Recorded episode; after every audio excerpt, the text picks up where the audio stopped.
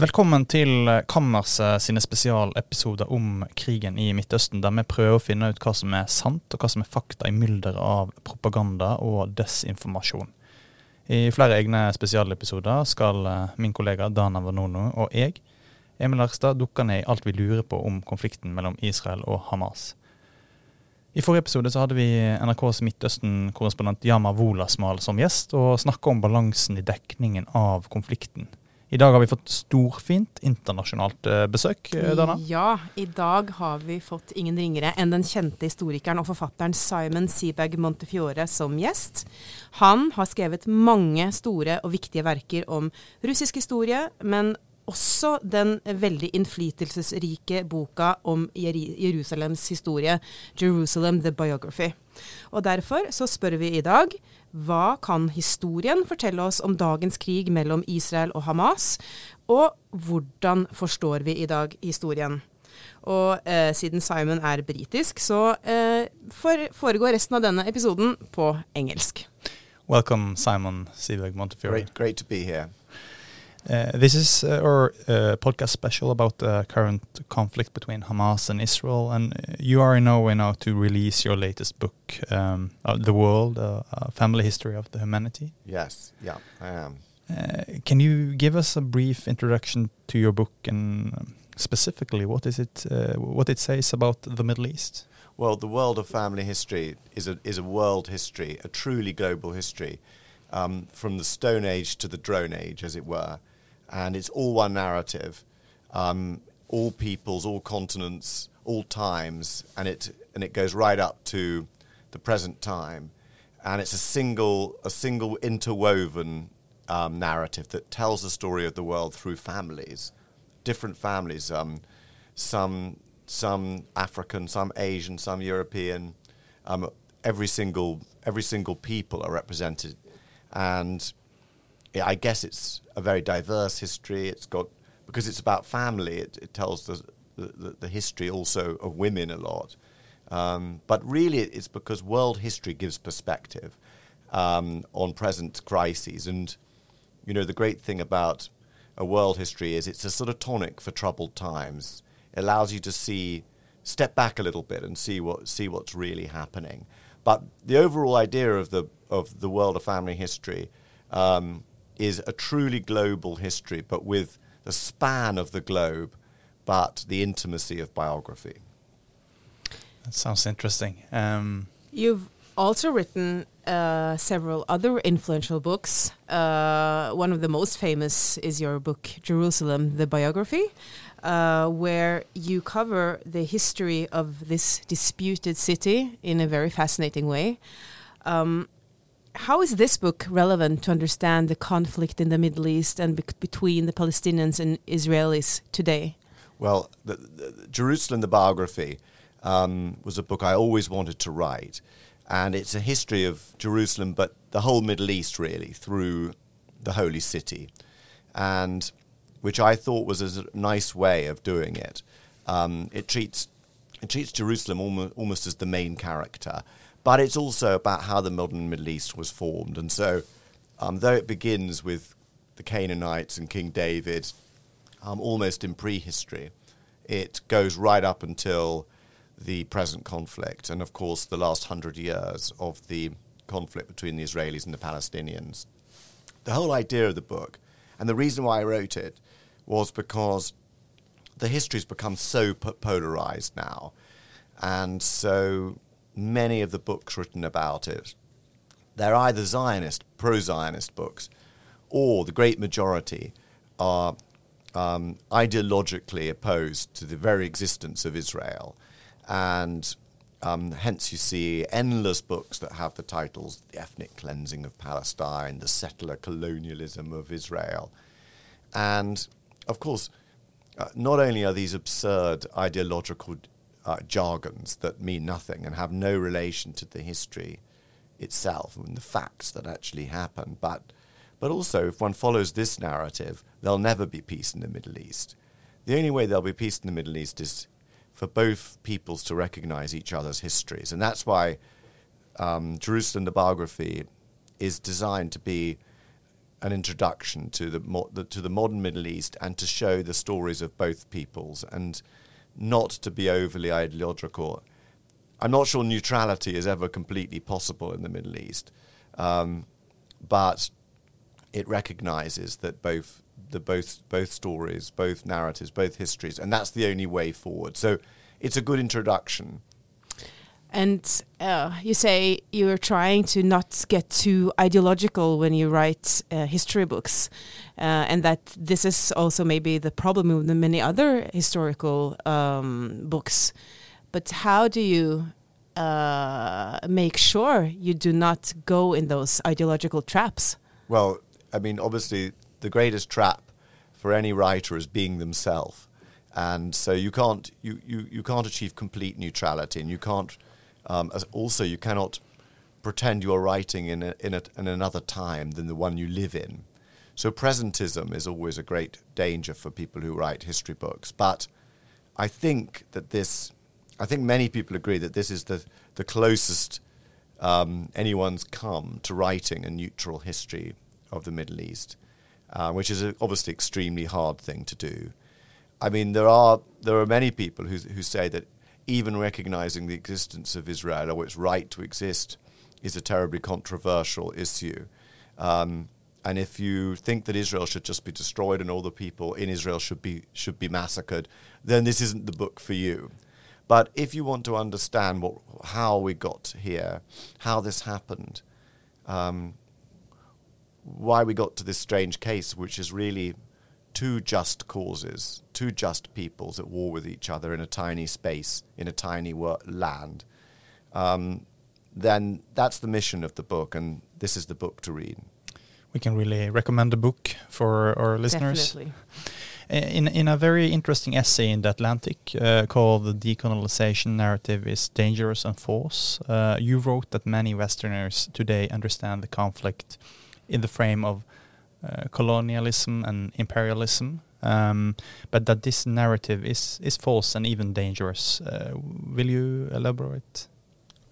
Well, I mean, I think the first thing to say is any any book or article in the newspaper you see that uses any of these um, sort of progressive ideological catchphrases uh, like settler colonialism, um, ethno state, ethnic cleansing, any of these really, um, you should you should be warned that this is just a polemic, an, an anti-Israeli polemic, with no attempt to really understand the history. And the reason why I say it's dangerous is because it condemns the civilians of Israel, the nine million people who live in Israel, um, as settler colonialists who um, should be killed or wiped out or, or annihilated, um, as we saw on, on October the 7th. And if you believe that, then you should say so, that you believe in killing um, millions of civilians. Um, and it's also dangerous because if you believe that Israelis are settler colonialists with no right to be there and no right to even have life at all, um, then any peace, any peace plan or two states or any kind of settlement is impossible. So that's why it's dangerous. But the other part of it is it's it's simply false. Um, it's an it's a it's an ideological um, uh, viewpoint that is based on a sort of Marxist dialectic, a sort of ex that the the um, examples of Soviet uh, propaganda, um, some anti-racist, anti-racism U.S. American uh, uh, ideology, and and a lot of anti-Semitic, anti-Jewish, racist um, uh, tropes from the Middle Ages to the 20th century, and so it's a really, really toxic uh, and false um, concept that doesn't recognize the history at all of Israel, and nor does it recognize the history of the Palestinians, in fact. It's a completely invented and toxic zombie ideology. And actually, it's, it's strange. It's crept into the, it's crept into the um, discourse, into all the media in the West in the last 10 years, but especially in the last five years since Black Lives Matter, when a, a certain narrative um, that was perhaps suited to American racial politics, the nature of the nature of how America was formed, the nature of how race worked in America, um, the tragedy and crime of slavery, for example. Um, but when it's applied to the complex uh, mosaic of the Middle East, it's absolutely meaningless. I mean, for example, the concept of whiteness and that um, that white supremacy um, always uh, uh, oppresses the black or brown races, and that this applies somehow to the Middle East is preposterous and doesn't apply to the situation in Israel at all. I mean, for example, over 50% of Israelis are Mizrahim from, from the Middle East. They're indigenous to the Middle East. But you, you say uh, Black Lives Matter as some kind of a starting point, but also that this started before. Yes how, uh, in in your opinion, uh, how did this happen? Uh, why do you think these polemics have um, evolved? Well, it's partly because it's partly because we've just taken our eye off the ball in the in academia and in humanitarian organisations, and particularly since Black Lives Matter, um, many you know, all of us in the West have been aware of racism in American society and so everybody has has has been keen to to um, correct that injustice, and as a result, they've appointed activists to run universities, to run humanitarian organizations, without realizing that they come with this large menu of other causes that are attached to Black Lives Matter now. And what was it's also true to say, as you as you suggest, that this started m- much earlier. Um, some of this is is really kind of the, the, the child also of the 60s, 60s radicalism. Um, some of it, as I said, is from Soviet propaganda, you know, really promoted by Stalin and his successors um, after, after the foundation of Israel. And much of it is from the 19th century that there's a Jewish conspiracy. Um, it's a mixture of it's a mixture of really poisonous um, concepts, um, all of them false, and and actually it's time you know with, with, the article i really suddenly realized this is a strange thing that's happening. You know when october the 7th happened uh, um, i saw on twitter and in many other places that quite respectable professors and well-known historians were arguing with me and other people about the number of babies that had had their heads cut off. And as if as if the fact that they had their heads cut off 40 40 had their heads cut off and the rest were just just burned alive was, was made a difference. And they were challenging the basic narrative of what had happened, even though Hamas themselves were, were publishing these, you know, what they'd done um, on, on, the, on the media, on the internet. So I realized that something really strange was happening here, and it was a de- denial of reality.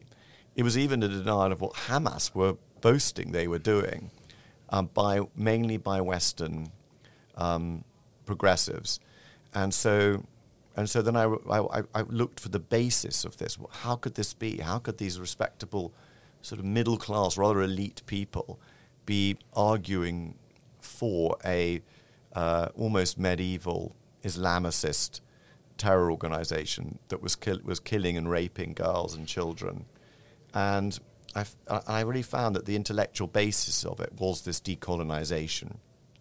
It's not like I think, it's not like I'm arguing at all that one shouldn't write about colonial history and one shouldn't write about the crimes of empires. It's just that it doesn't that decolonization is a different thing. It's a it's a specific ideology that doesn't apply to the Middle East and doesn't apply to Israel.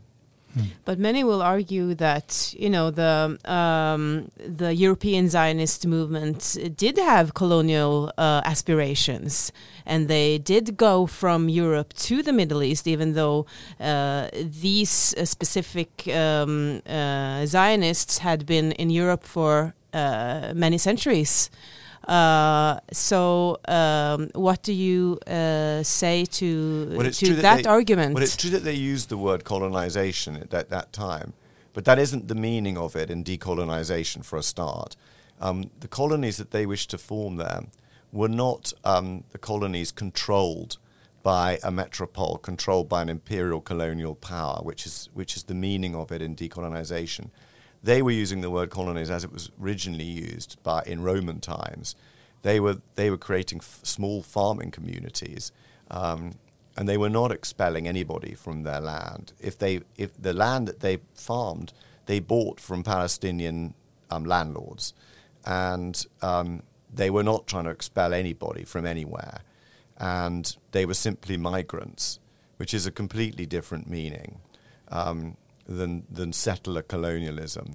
And settler colonialism implies that these are um, members of a colonial power that wish to ethnically cleanse a country of its people. Uh, that isn't the na- that isn't the nature of um, the great majority of the early Zionist um, settlers in, in, in Palestine.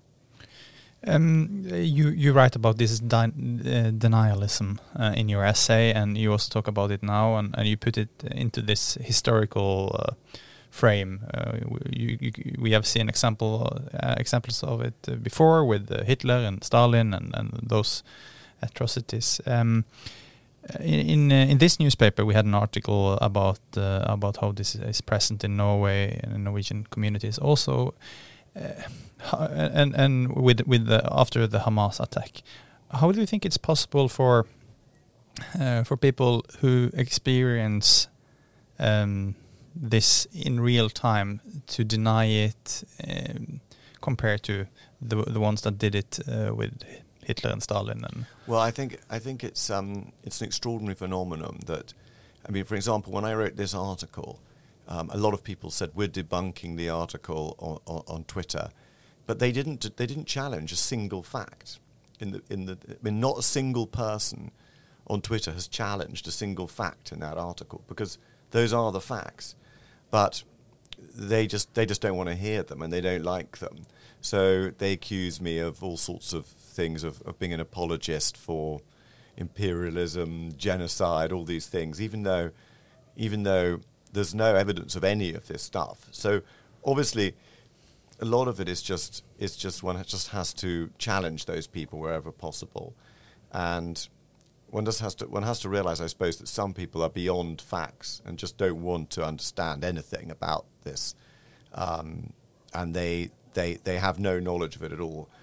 But I think a lot of people do want knowledge and just haven't haven't got it, and that's why, um, and that's why um, talking, you know, about um, that's why talking about it is is really important and reading about it is really important. And that's why I wrote the article because a lot of people didn't have the confidence to challenge this weird ideology, this kind of sham ideology that had become um, that had become kind of accepted by everyone without really noticing. It had crept up on us um, and re- and reached a point that it was kind of like the fallback, um, the fallback viewpoint of many people who knew nothing about the history I mean, for example, you know, the ethnic cleansing of Palestine um, in 1948 is now kind of appears everywhere if you look on the internet.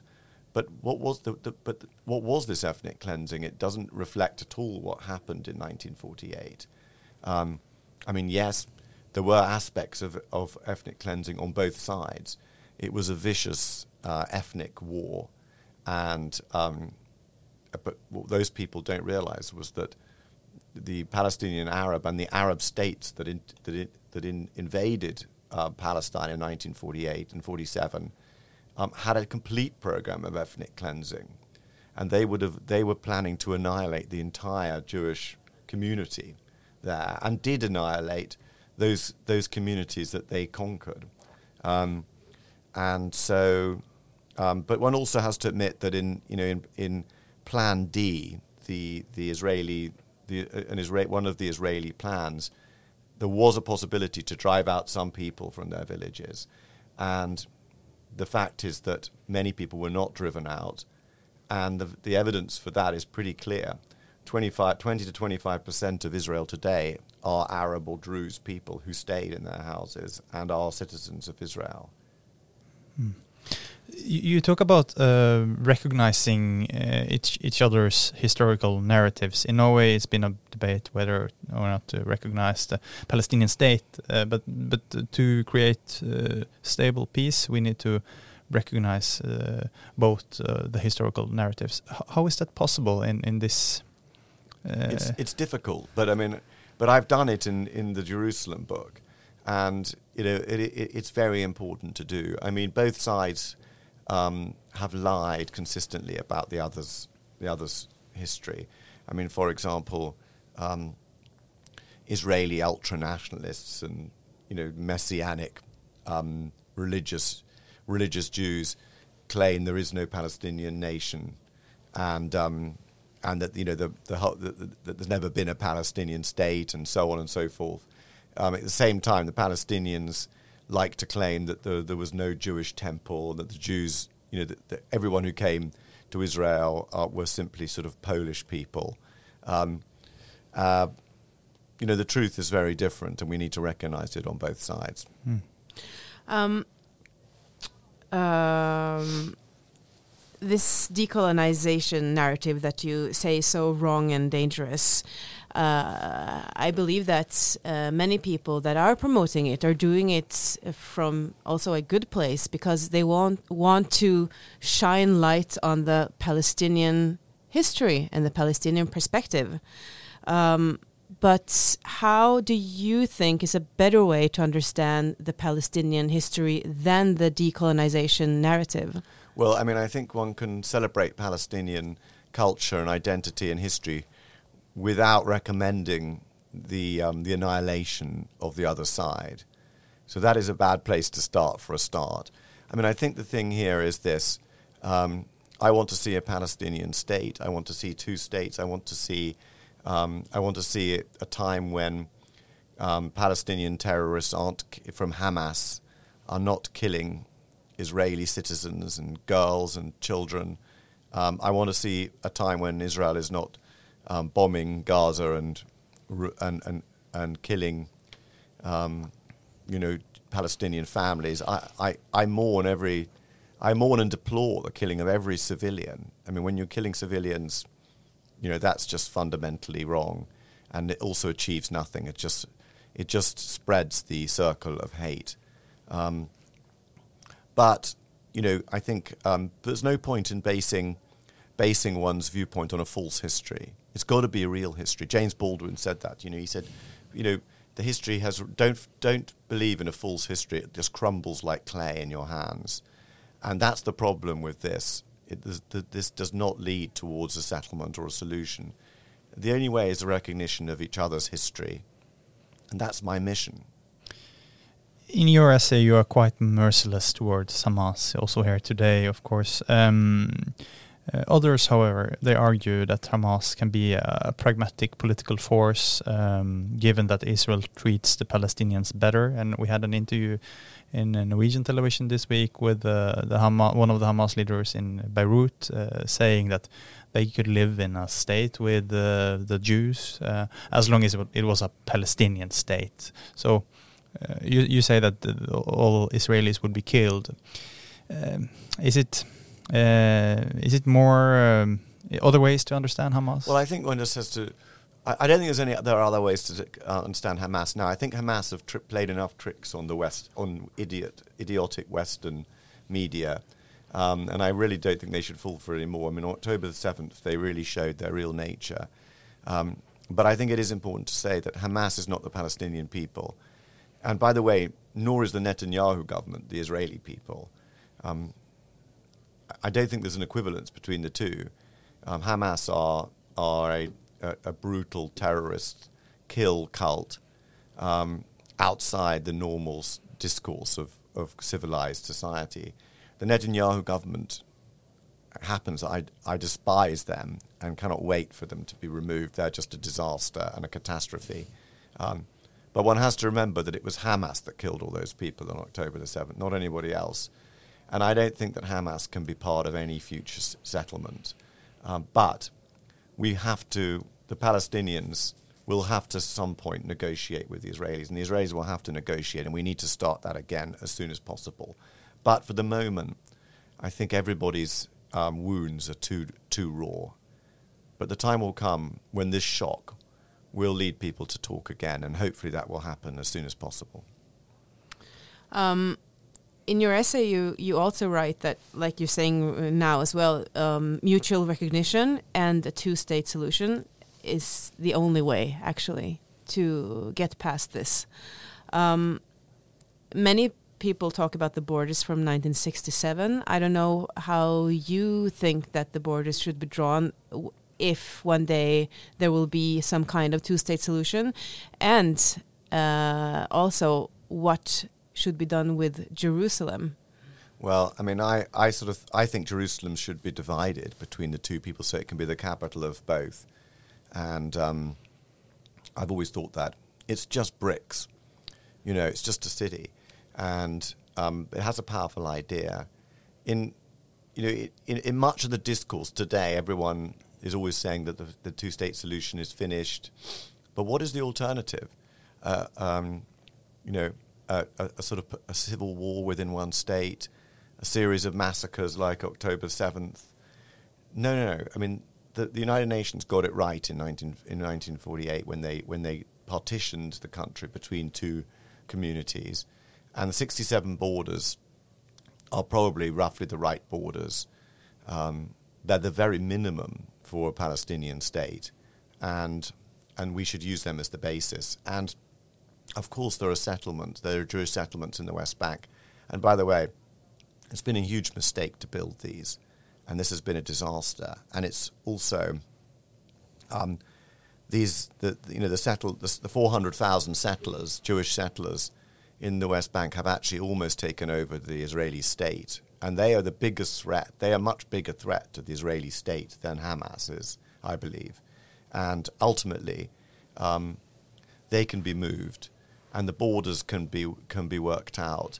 In fact, I mean, everyone says you know the two-state solution is impossible, but it was only like it was only in 2008 was the last time, which was not that long ago, um, that that they discussed seriously how this borders would work, and those those borders would still work today. Thank you for joining the podcast, uh, Simon, um, and for sharing your knowledge with us. Um, I will wrap up in Norwegian and, uh, og, og, si at vi uh, neste uke er klar med en ny episode. Og det er flere episoder vi skal uh, snakke om hva som skjer i uh, krigen i Midtøsten. Har du ri, innspill, ris eller ros, send oss gjerne en e-post til kammersetalfakrøll.vl.no. Takk for nå. På gjenhør. Thank you.